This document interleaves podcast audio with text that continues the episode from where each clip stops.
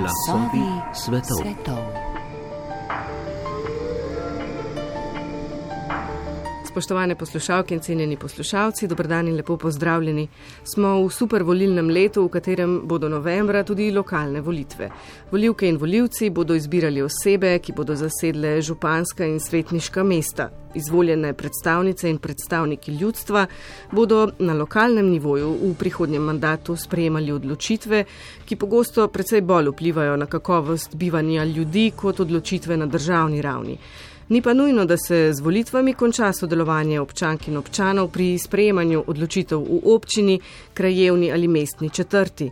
Participativni proračun je mehanizem, ki omogoča, da ljudje sodelujejo pri izbiri projektov, za katere se porabi javna sredstva.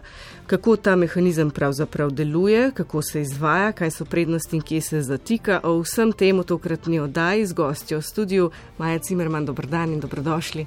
Živijo. Magistrirali ste iz industrijskih in delavskih odnosov na Univerzi Kornell, zaposleni ste na inštitutu Danes je nov dan, ki med drugim oblikuje različna urodja za krepitev sodelovanja in demokratičnega odločanja. Participativni proračun je eno od področji, s katerim se že vrsto let ukvarjate na inštitutu Danes je nov dan in preden spregovoriva o tem, za kakšen mehanizem pravzaprav gre, me najprej zanima, kako ste se vi seznanili s participativnim proračunom, kje ste za njim izvedeli in kako to, da vas je na tak način pritegnil, da se zdaj z njim tako poglobljeno ukvarjate? Inštitut danes je nov dan, se že od samega začetka svojega obstoja ukvarja z vprašanjem demokracije in iskanjem mehanizmov za večanje vključenosti in uh, participacije občanov in občank, državljanov in državljank oziroma vseh oseb. Uh, in uh, v tem smislu smo tudi prepoznali participativni proračun kot mehanizem, v katerem lahko dejansko govorimo o direktni, neposredni uh, demokraciji. Um, mehanizem, v katerem dejansko imajo občani in občanke neposredno moč, da odločajo o svojem okolju. Zdaj, malo bolj konkretno, participativni proračun smo spoznali leta 2016 na konferenci na Polskem, kjer so nam predstavili primer dobre prakse iz Madrida in tam smo dejansko videli, kakšen učinek ima lahko participativni proračun na povečanje participacije in v bistvu, kako je lahko participativni proračun baza za druge participativne procese in druge načine vključevanja občanov in občank v delovanje občine.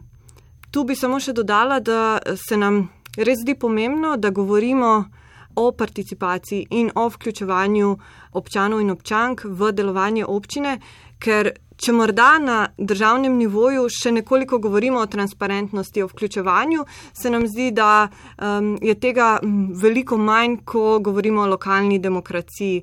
Zdi se nam, da bi lahko rekli celo, da je lokalna demokracija v Sloveniji neka črna skrinica, black box, kjer se stvari zgodijo, uh, ni pa čisto jasno, na kak način, oziroma uh, mi kot javnost, ljudstvo, nimamo dejansko pogleda, niti možnosti participirati v teh. Eh, postopkih.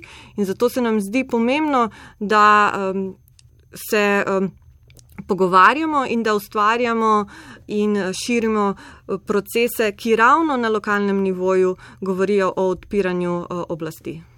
Morda na tem mestu izpostavimo to, da vredno lokalno okolje, kjer je število eh, sodelujočih manjše kot eh, na državni ravni, je bolj ugodno za eh, uveljavljanje participativnega proračuna oziroma za implementacijo.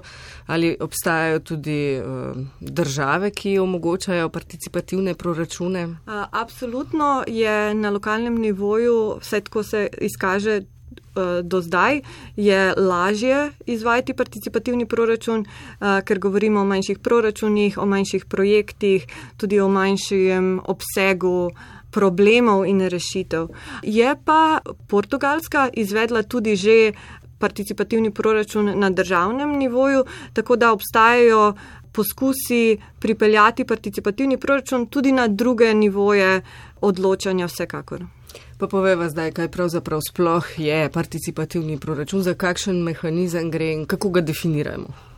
Participativni proračun je, ko člani ali sodelavci neke organizacije odločajo o porabi dela ali celega proračuna te organizacije.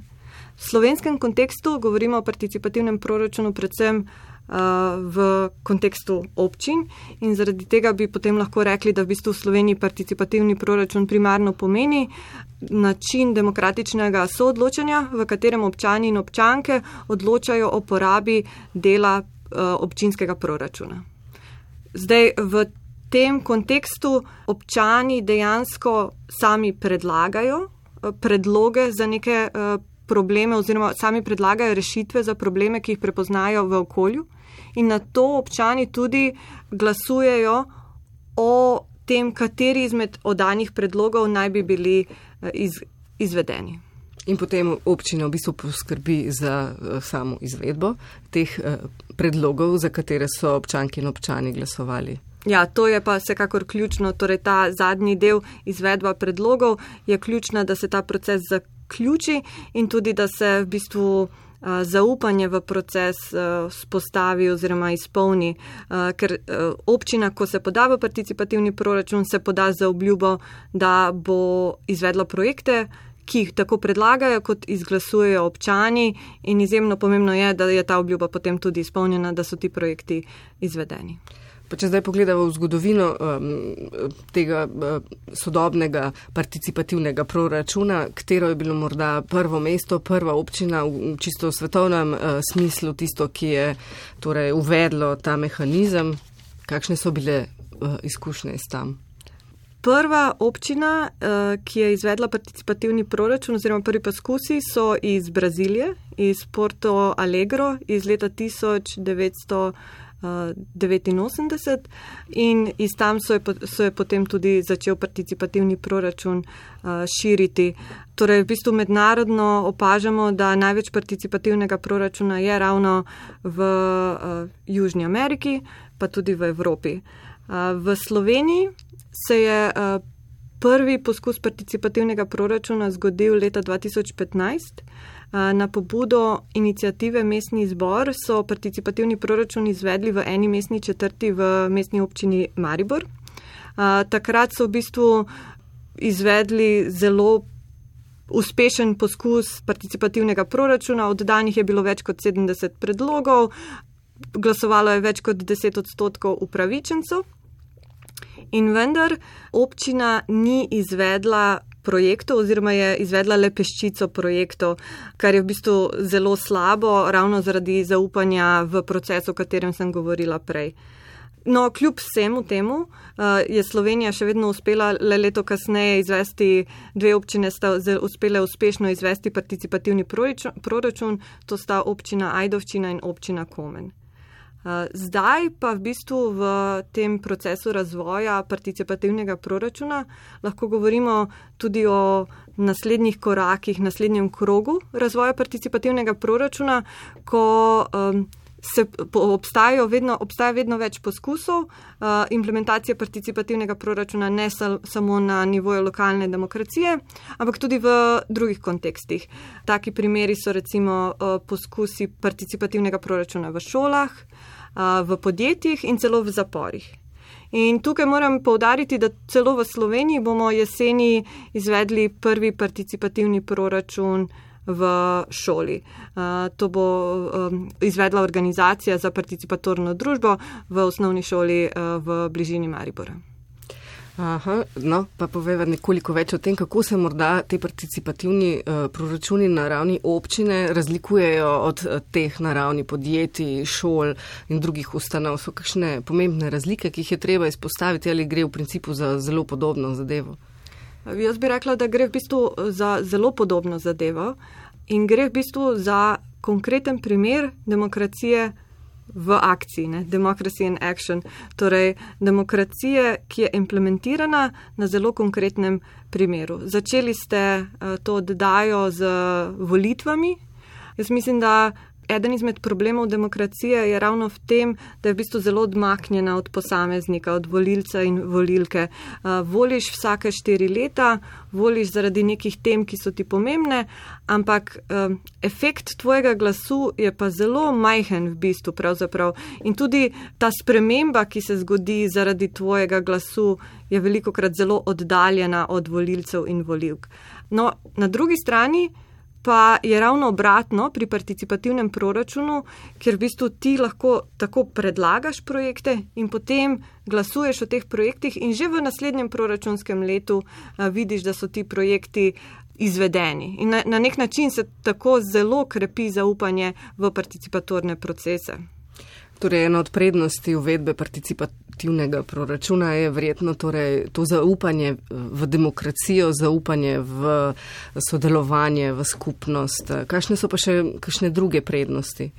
No, uh, to se mi zdi res ključno. Uh, to, da participativni proračun kot prvo spodbuja grajenje skupnosti in kot drugo uh, spodbuja oziroma prispeva k grajenju zaupanja med občino in občani. Eh, torej, če grem k prvem, prvo, torej, kako participativni proračun vpliva na grajenje skupnosti. Um, pri participativnem proračunu tvoj predlog ne bo uspešen, če ne bo uspel nagovoriti širše množice. Zakaj? Zaradi tega, ker, neko, eh, ker se odloča o projektih na podlagi neke deliberativne metode, torej ponovadi glasovanja. In um, vkolikor bo tvoj predlog naslavljal samo tvoj pro problem, ne bo uspešen, mora naslavljati skupen problem. In vedno pogosteje vidimo na primerih implementacije participativnih proračunov, proračunov po Sloveniji, da se občani in občanke povezujejo pri identifikaciji problemov in rešitev za te probleme. Torej, pogosto se zgodi, recimo, tri neznanci iz istega bloka, ki se prej niso poznali, se povežejo, da pripravijo predlog za izgradnjo igrišča pred njihovim blokom. Ali pa neka vas se poveže za to, da pripravi predlog za izgradnjo neke učne poti v bližini vasi in ne le, da se povežejo da bi napisali ta predlog, ampak potem se predvsem mobilizirajo pri promociji tega eh, predloga, pri zbiranju podpore med drugimi občani in tako dalje. Torej, eh, ta, ta, ta nek eh, moment, trenutek gra, gra, gradnje skupnosti se vsekakor zgodi. Druga stvar, ki se pa zgodi, je to, da se veča zaupanje med občino in občani. Na eni strani, kar sem že večkrat omenila, občani vidijo, da njihov glas ima moč, eh, da njihovi predlogi in njihovi, eh, njihova participacija ima nek učinek in ta učinek se kaže v izvedenih projektih. Na drugi strani pa tudi občina v bistvu s participativnim proračunom vidi, da so občani sposobni prepoznati probleme v svojem okolju in so sposobni tudi prepoznati najboljše rešitve za njih v svojem, v, svojem okolju. Um, in to uh, krepi zaupanje občine uh, v uh, občane in ta uh, proces v bistvu uh, krepi medsebojno zaupanje občanov in občine drug v drugega.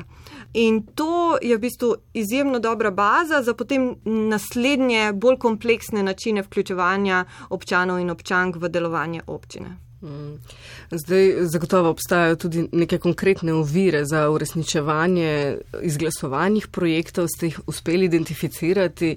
Katere so te glavne ovire, da potem občine, kljub temu, da se odločijo izvajati participativni proračun, občanke in občani torej izglasujejo določene projekte, te pa se potem ne izvede? Kje se zatakne?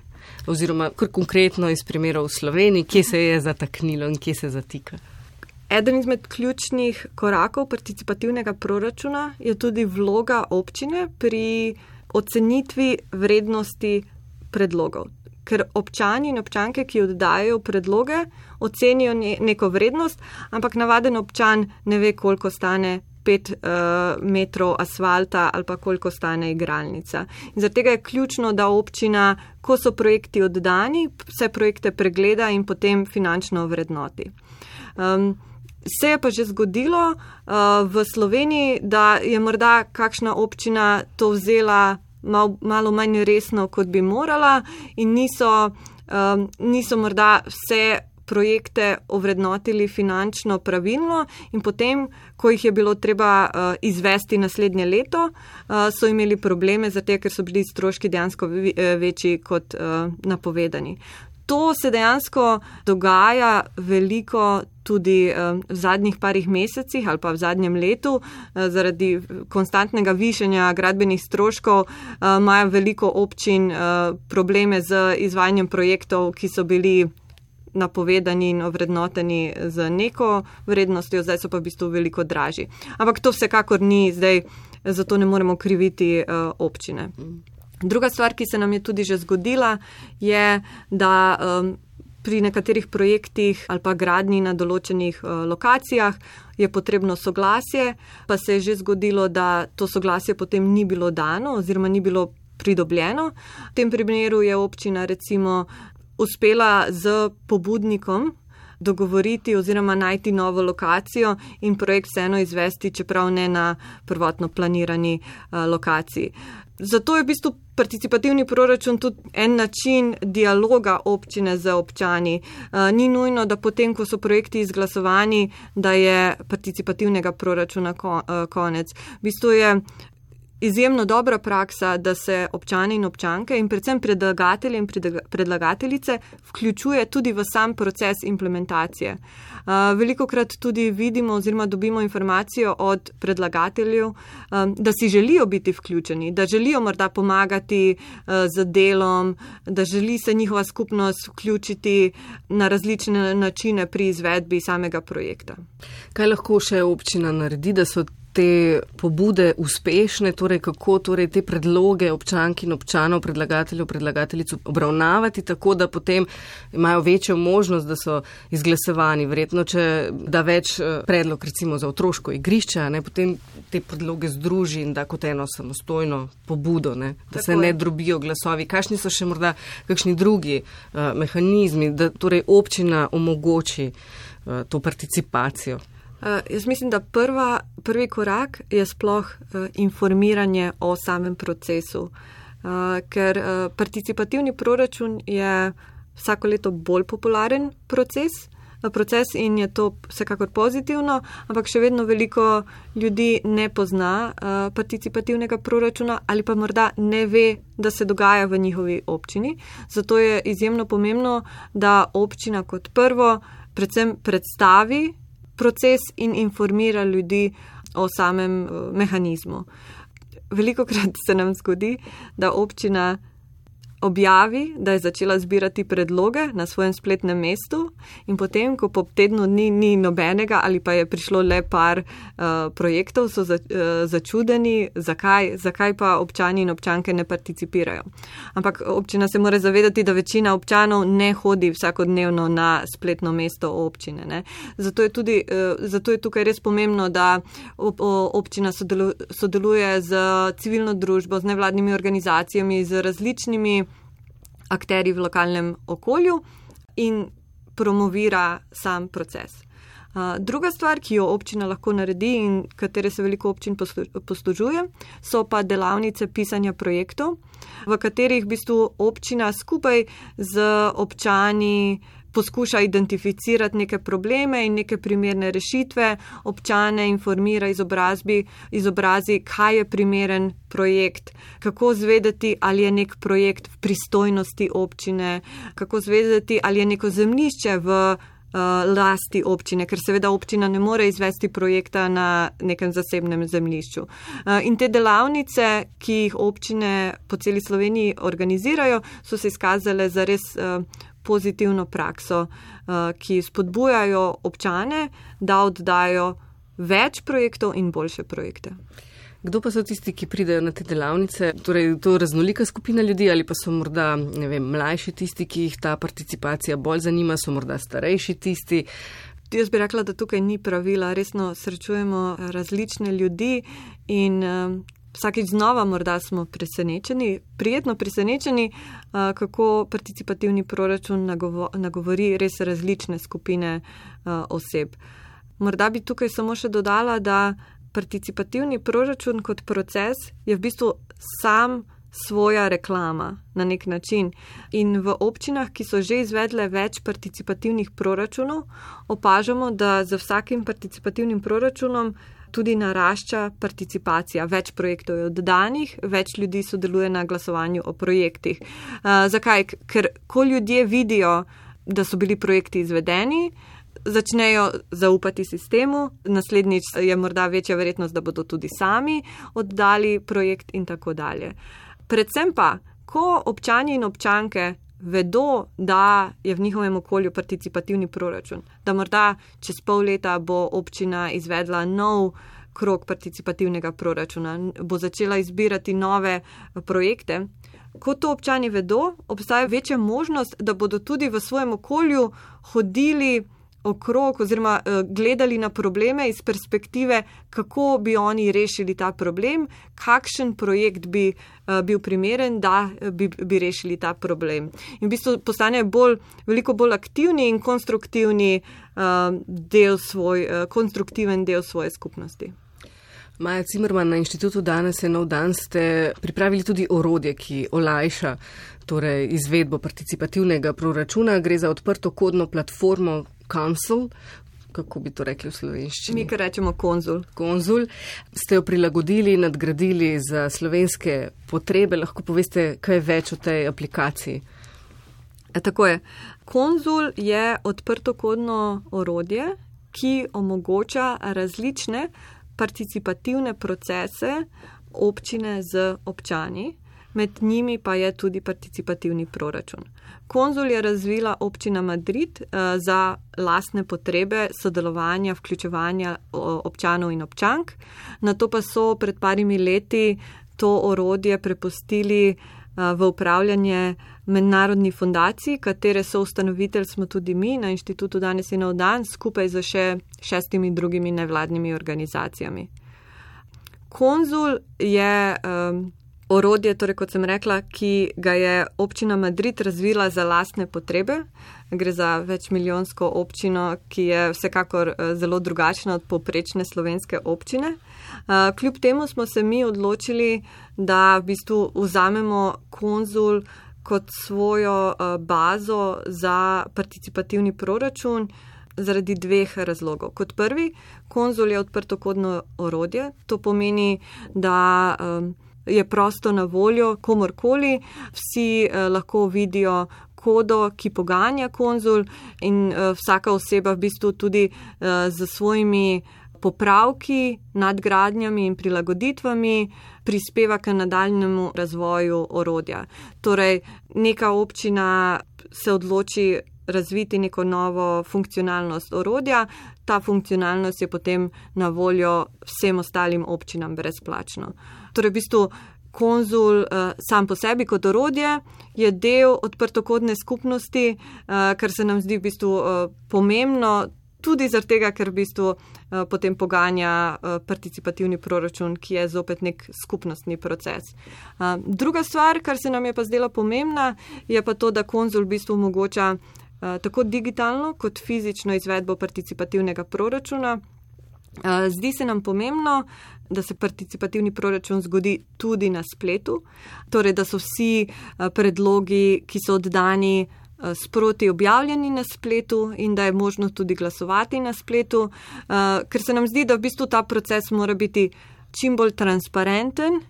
In čim lažji za uporabnika. In zdi se mi, da s tem, ko, oziroma zdi se nam s tem, ko participativni proračun premaknemo na splet, nagovorimo neko, nek, neke, neke javnosti, morda neke skupine, ki morda ne, ne bi drugače participi, participirale.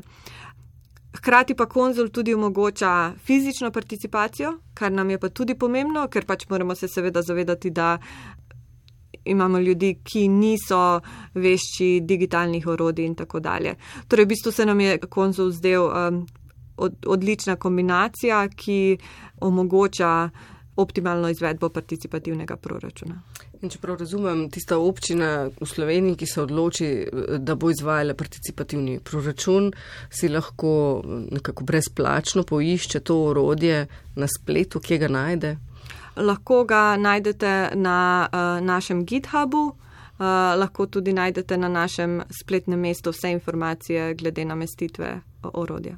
Je pa to vredno uh, uporabno urodje tudi za uh, naravni, sva, uh, o kateri smo govorili na začetku pogovora, torej na uh, ravni dogovarjanja o tem, kako porabiti sredstva v šoli, v podjetju, v organizaciji. Tako je, ja. vsekakor. Nič na konzulu ni takega, kar bi omejevalo njegovo uporabo uh, samo na občine. Maja Cimerman, če se zdaj eh, postaviva prav na konkretno dogajanje na občinskem nivoju v Sloveniji. Leta 2018 ste eh, na inštitutu danes eno dan pred lokalnimi volitvami pripravili spletno kampanjo za participativni proračun. 57 kandidatov in kandidatk, ki so v predvolilni kampanji obljubili, da bodo, če bodo izvoljeni, izvajali participativni proračun, je zmagalo potem na volitvah. Kako so izpolnili to svojo obljubo, koliko občin uh, izvaja participativni proračun? Tako je. Eh, pred volitvami leta 2018 uh, smo pozvali vse kandidate Eh, na občinskih volitvah, torej kandidate za župane in županje, da se zavežejo k uvedbi participativnega proračuna.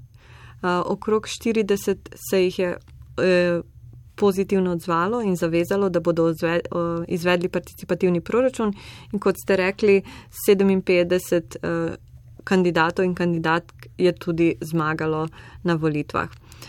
Trenutno participativni proračun izvaja okrog 30 občin. Rečemo okrog zaradi tega, ker vsak mesec um, dobimo informacijo o neki novi občini, ki se za, odloči za izvedbo. Um, torej, okrog 30 občin izvaja participativni proračun, um, pri čemer so tukaj tudi neke, nekatere občine, ki se niso zavezale v naši uh, kampanji. Torej obstaja kar nekaj uh, županov in županj, ki so se zavezali, da bodo izvedli participativni proračun, uh, pa le tega še niso implementirali, le tega še niso začeli izvajati. Mi smo jih uh, glede njihove zaveze, obljube že opomnili tokom njihovega mandata.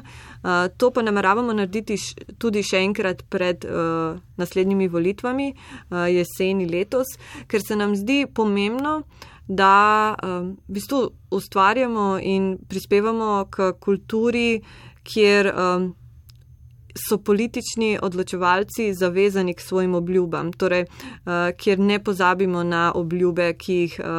Kandidati dajo pred volitvami. Uh, torej, vsekakor bomo opozarjali na obljube, ki niso bile izpolnjene. Nameravamo pa tudi jeseni pred volitvami narediti eh, še eno akcijo, ponoviti, torej še enkrat uh, pozvati kandidate in kandidatke k, iz, um, k implementaciji participativnega proračuna, vkolikor bodo izvoljeni oziroma izvoljene. Zdi se nam, da je bila akcija v bistvu uspešna um, in je po eni strani vsekakor. Prispevala tudi k širitvi participativnega proračuna uh, med županji in županjami oziroma med slovenskimi občinami in tudi uh, je prispevala k v bistvu večanju informiranosti in zavedanja o participativnem proračunu v Sloveniji. Lahko izpostavite morda kakšen um, projekt, kakšno prakso, ki se je izkazala kot še posebej dobra, ali pa morda, če lahko upišete, uh, kakšni so ti projekti, ki so jih izglasovali uh, občanke in občani. Uh. uh projekti so res uh, izjemno različni. Uh, veliko je nekih infrastrukturnih projektov, uh, te se predvsem pojavljajo v tem prvem krogu prvi izvedbi participativnega proračuna, torej igrala, krožne poti, peš poti, sprehajalne poti, ureditev ceste, ureditev pločnika. Imamo pa potem tudi veliko bolj um, kompleksne projekte. Ne pravim, da te niso kompleksni, morda raznovrstne uh, delavnice, kreativne, izgradnja nekih skupnostnih prostorov, obnovitev zgodovinskih obeležij. Eh, res eh, projekti so eh, zelo različni in predvsem pa vedno odgovarjajo na neke potrebe v lokalni skupnosti. Ki pa se najpogosteje zatika, že prej smo se o tem pogovarjali, bi morda še kaj izpostavili. Pa e, eden izmed trendov, ki ga opažam, za katerega bi morda rekla, da je nekoliko negativen, je, da se veliko občin odloči, da dovoli participacijo na participativnem proračunu samo stalnim prebivalcem. Torej, ne osebam, ki imajo v občini začasno prebivališče, ne osebam, ki delajo v občinam. v občini. Zdaj, tukaj se moramo vprašati, zakaj sploh izvajamo participativni proračun. Uh, mislim, da odgovor na to je zaradi tega, ker ljudje, ki v neki skupnosti živijo, sami najbolje prepoznajo, kaj so problemi. Eh, v tej skupnosti in kaj so tudi rešitve za te probleme. In v tem smislu se mi zdi škoda, da se izključuje ljudi, ki nimajo stalnega prebivališča ali pa ljudi, ki morda celo, eh, ki, eh, ki samo delajo v nekem. Um, Kraju. Zaradi, zaradi tega, ker tudi oni imajo verjetno zelo dober pogled v neke probleme v tej občini. Um, Nažalost, tukaj se občine odločajo za to izključevanje, zaradi tega, ker želijo čim bolj slediti principu volitev, eh, ki vemo, da v bistvu je zelo izključujoč eh, proces na nek način. Moraš biti državljan, moraš biti občan, stalno prebivališče, moraš imeti, če želiš sodelovati na volitvah. No, tu, tu se mi zdi v bistvu um, škoda, uh, izgubljena priložnost, da niso občine nekoliko bolj uh, inovativne in fleksibilne, da se ne odločajo bolj pogosteje, da vključujejo tudi ljudi, ki morda nimajo uh, statusa uh, stalnega prebiva, uh, prebivalca. Um, druga stvar, ki se mi zdi, um, drugi, drugi trend, uh, ki se včasih pojavlja, je uh, nekaj, kar, o čemer sem že govorila in v bistvu to, da občine morda nekoliko premalo komunicirajo z občani skozi celoten proces. Uh, tukaj bi predvsem poudarila ta zadnji, zaključni del participativnega proračuna, torej izvedba projektov. Torej, občina gre skozi celoten proces zbiranja predlogov, potem vse predloge pregleda, ovrednoti, potem imamo glasovanje, potem so ti predlogi uh, izglasovani, uh, zmagovalci so razglaše, uh, uh, razglašeni in uh, predlogi so umeščeni v proračun, in na to morajo ti predlogi biti izglasovani. In veliko krat potem tukaj občini zmanjka tega komunikacijskega zagona, da bi dejansko. Informirala sproti občane in občanke, kaj se dogaja s projekti, da bi jih vključevala v izvedbo. In to se mi zopet zdi neka izgubljena priložnost, kako bi v bistvu občina lahko uh, še bolj vključila občane v svoje delovanje in še, še bolj sodelovala z njimi. Kaj pa občine pravijo, kje, so, kje one vidijo največ težav pri uspešni izvedbi participativnega proračuna? So morda to kadri, morda to premalo ljudi, morda to neko neznanje oziroma eh, s čim, s kakšnimi problemi se pa mm. občine soočajo? Eh, jaz bi rekla, da v bistvu občine, ko se odločijo za participativni proračun, torej za nek proces, ki ni obvezen, ampak katerega se one odločijo, delati, izvesti zaradi tega, ker verjamejo v participacijo in vključevanje občanov. V bistvu hkrati si v tem procesu um, ustvarijo neko dodatno delo, seveda. Uh, treba, občina mora uh, spostaviti celoten proces in potem ima občina tudi največ dela uh, v procesu, ko mora. V, v, v trenutku, ko mora pregledati vse oddane projekte. Teh projekt, projektov je lahko tudi 400 ali več, kot je recimo bilo v mestni občini uh, Koper.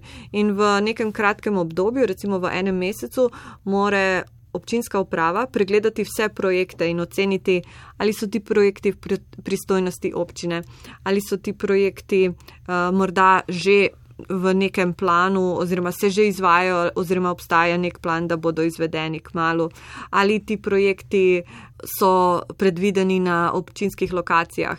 Poleg tega mora tudi ovrednotiti vse te projekte. Torej, v bistvu gre za veliko, res veliko dela za, občin, za občine in to je tudi ta neka povratna informacija, ki jo mi dobivamo.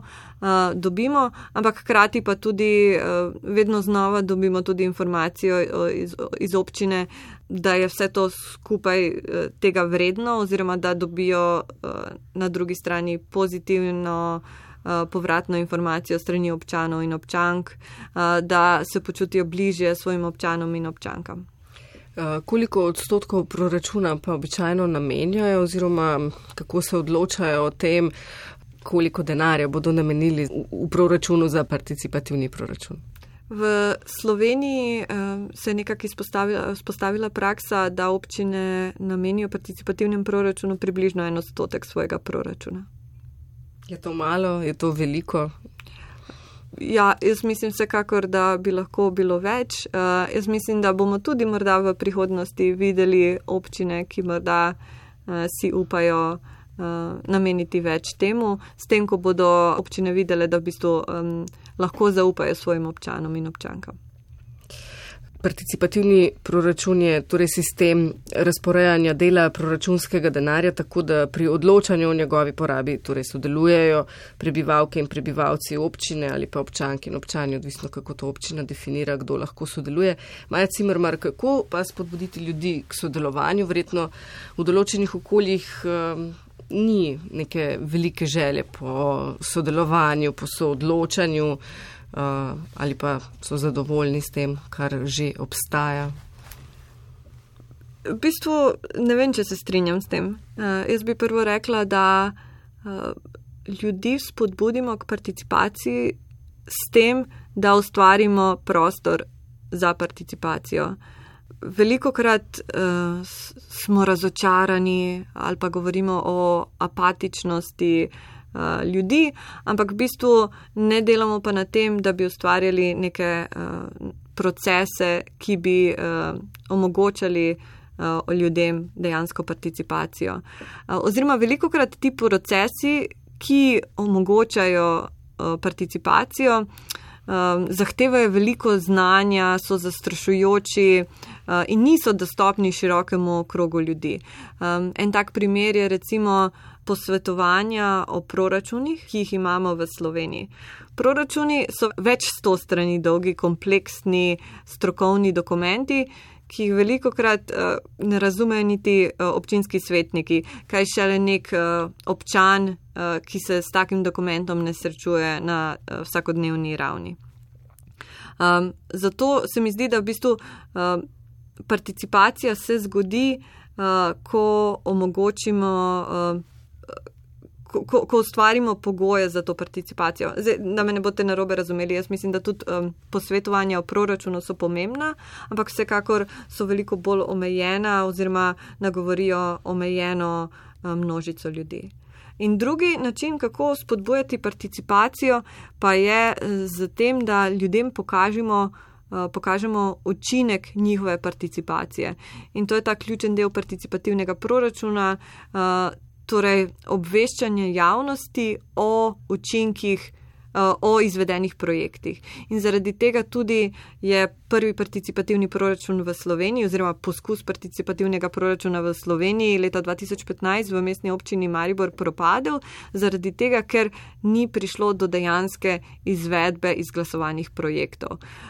Ljudje ko vidijo, da, imajo, da ima njihov glas uh, učinek, da uh, lahko spremenijo stvari na bolje, uh, bodo tudi začeli uh, sodelovati uh, v um, lokalni samoupravi, se, se bodo začeli vključevati. Če pa jim tega ne pokažemo, pa bo še vedno prevladovalo mišljenje, da eh, če želiš participirati, te bo, boš samo srečal birokracijo, nič se ne bo spremenilo in tako dalje. To je ta neko mišljenje, ki prevladuje in ki v bistvu ga moramo nagovoriti, če želimo povečati participacijo v družbi. Kje so pa um, primeri dobrih praks, oziroma katera občina bi rekli, um, da je najbolj uspešna? Imate kakšne podatke o tem? Uh, vsekakor je uh, ena izmed najbolj uspešnih uh, občin, uh, ko pride do participativnega proračuna, pa tudi širše participativnih praks v Sloveniji, občina Ajdovščina, ki je bila tudi pr prva občina, ki je zaključila. Uh, krog participativnega proračuna. Oni so prvi participativni proračun začeli že leta 2016. Letos, oziroma trenutno, so pa že v tretjem krogu, v tretjem ciklu participativnega proračuna. Um, in to je vsekakor dobra praksa, ker participativni proračun ni uh, enkraten proces. Uh, ampak se more nadaljevati ravno zaradi tega, ker vsakič znova potem uh, postajajo učinki in prednosti izvajanja tega mehanizma eh, le še večje. Morda bi omenila tudi eh, Radovlico, ki je lani eh, izvedla prvič participativni proračun in so imeli že v prvem krogu, torej že v prvi izvedbi participativnega proračuna, več kot 30 odstotno participacijo na glasovanju kar je vsekakor eh, zelo pozitivno in kar kaže na to, da so zelo dobro izvedli komunikacijsko akcijo in uspeli nagovoriti eh, občane in občanke. Kar se pa tiče trendov v Sloveniji, pa mislim, da je pozitivno to, da je javnost vedno bolj informirana o participativnem proračunu, da vedno več govorimo o teh o takih mehanizmih, tudi na oddajah, kot je današnja, da se vedno več občin odloča za participativni proračun. Leta 2018 je peščica občin izvajala participativni proračun, danes govorimo o 30 občinah, vedno več občin se zanima za izvedbo participativnega proračuna.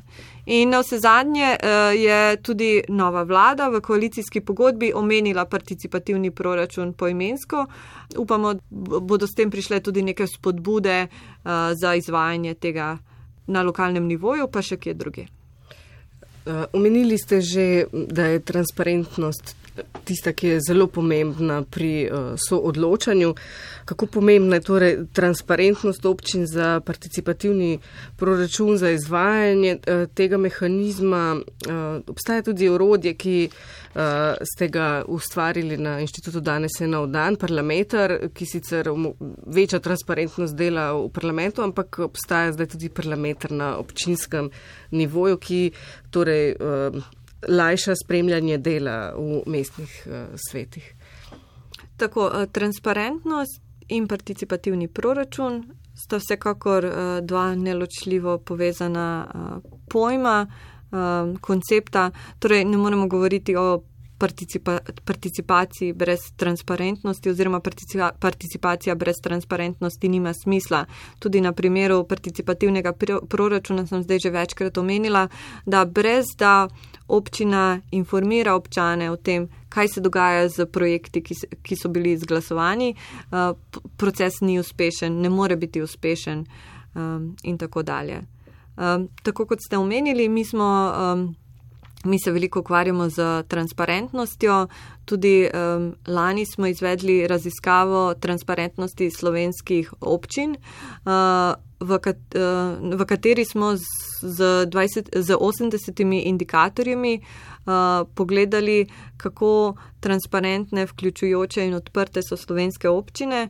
Uh, rezultati te raziskave so pokazali, da v poprečju slovenske občine dosegajo le eno tretjino kazalnikov, ki smo jih merili, tudi najbolje ocenjena slovenska občina pa dosega le dve tretjini merjenih kazalnikov, kar kaže na to, da obstaja eh, še vedno veliko prostora za večanje od, o, o transparentnosti, za odpiranje delovanja občine napram občanom. Tukaj si tudi želimo nekoliko več eh, podpore, pa spodbude s strani um, države. Recimo, informacija, ki smo jo lani dobili od Ministrstva za javno upravo, je, da se njim eh, ne zdi potrebno, da občine objavljajo podrobne zapisnike sej občinskega sveta, kot tudi, da se jim ne zdi pomembno, da občine objavljajo poimenske rezultate glasovanj na sejah občinskega sveta. To se nam zdi popolnoma nepredstavljivo, da takšna informacija pride strani Ministrstva za javno upravo na koncu koncev gre za to, da mi, občani in občanke, državljani in državljanke, volimo občinske svetnike in le ti odločajo o najpomembnejših odločitvah v naši lokalni skupnosti. Če mi nimamo pogleda v to, kako le ti svetniki glasujejo in kaj izrečejo na sejah občinskega sveta. Eh, sploh ne razumem, na kak način naj bi mi glasovali in se odločali o tem, eh, kdo bo moj predstavnik oziroma predstavnica. Morda se osredotočiva zdaj nekoliko še na tehnologijo. Veliko govorimo o negativnih učinkih rabe tehnologije, vzrok za to pa ni nujno v tehnologiji kot taki, ne, temveč v sistemu, ki se je vzpostavil Janus Varufakis, da nimo ta sistem poimenuje tehnofeudalizem, vlada Njolar govori o novem ekstraktivizmu. Na inštitutu danes eno dan tehnologijo uporabljate za uresničevanje in zagotavljanje vrednot, eh, kot so solidarnost, demokratičnost, transparentnost, vključenost, družbena odgovornost in odgovorno ravnanje z naravo. Da se torej, ne, a, ampak um, ta boj verjetno ni lahek. Ne. Um, vsekakor na inštitutu danes in v dan se eh, borimo za vključujočo in odgovorno uporabo tehnologije in interneta. Zavedamo se, da tehnologija ni neutralna, ni nujno dobra, veliko krat je lahko tudi škodljiva. Ampak tehnologija je neločljiv del našega življenja, konzumiramo jo v bistvu na vsakem koraku uh, vedno več. Uh, zaradi tega je pomembno, da se ne predamo in da ne rečemo, to uh, so vel, velike multinacionalke uh, in um, tako ali tako potrebujemo Google ali pa tako ali tako potrebujemo Facebook ali pa Amazon, kogarkoli že. Pomembno je, da razmišljamo o tem, kako lahko zahtevamo boljšo tehnologijo in bolj odgovorno rabo tehnologije. In tukaj je odprta koda ena izmed um, vrednot, na katerem smo utemeljili tudi inštitut danes je nov dan. Vsa koda, ki jo razvuje, razvijemo, torej vse, vsa digitalna urodja, ki jih razvijemo, so odprtokodna, torej so prosto dostopna vsako, vsakomor. Kdorkoli jih lahko vzame, uporabi, spremeni, kakorkoli že. Pri odprti kodi je tudi izjemno pomembno to, da je transparentna, torej vsak lahko vidi, na čemer temelji in um, kaj se dogaja z uh, podatki, ki jih zbiramo, če, če se, se kakršnikoli podatki zbirajo. Ampak zdi se nam res pomembno, da se ta uh, pogovor uh, nadaljuje in da ne uh, preprosto obupamo zaradi tega, ker je težko. Veliko se govori o digitalizaciji občin, o, o pametnih mestih, o kakšno je vaše mnenje o tem, morda za zaključek. Ja, ja, tukaj jaz bi pozvala tiste, ki eh, govorijo o digitalizaciji, da tudi eh, razmišljajo o tem, da ta digitalizacija mora biti vključujoča, prijazna do vseh in odprta. Res neverjetno grozno je, da obstajajo zaprti programi, torej licenčni programi, ki ne omogočijo občini, da prosto deli nekatere podatke v odprtih formatih na tak način v bistvu um, se ne odpiramo, kar naj bi bil namen digitalizacije, ampak se zapira delovanje občine, zapira se ga v neke uh, plačniške programe, do katerega nimamo, mi, uh, nimamo vsi dostopa in v bistvu um, postajajo. Nekateri procesi celo manj transparentni, ne pa bolj, kot bi pričakovali z digitalizacijo. Kot ste pa omenili, prihaja nov krok posvetovanj eh, na občinskem nivoju. Pred letošnjimi jesenskimi lokalnimi volitvami vas bo seveda spet zanimalo, ali občine zanima participativni proračun. Tako je. Maja Cimerman, najlepša hvala za obisk v studiu in za vse ta izjemna pojasnila. Spoštovane poslušalke in cenjeni poslušalci, hvala za pozornost. Za to sta skrbela Klara Otorepec in Vjekoslav Mikes, oddajo sem pripravila Urška Henigman. Vabimo vas, da se na glasove svetov naročite v svoje aplikacije za podkaste. Lep pozdrav. Glasovi svetov. svetov.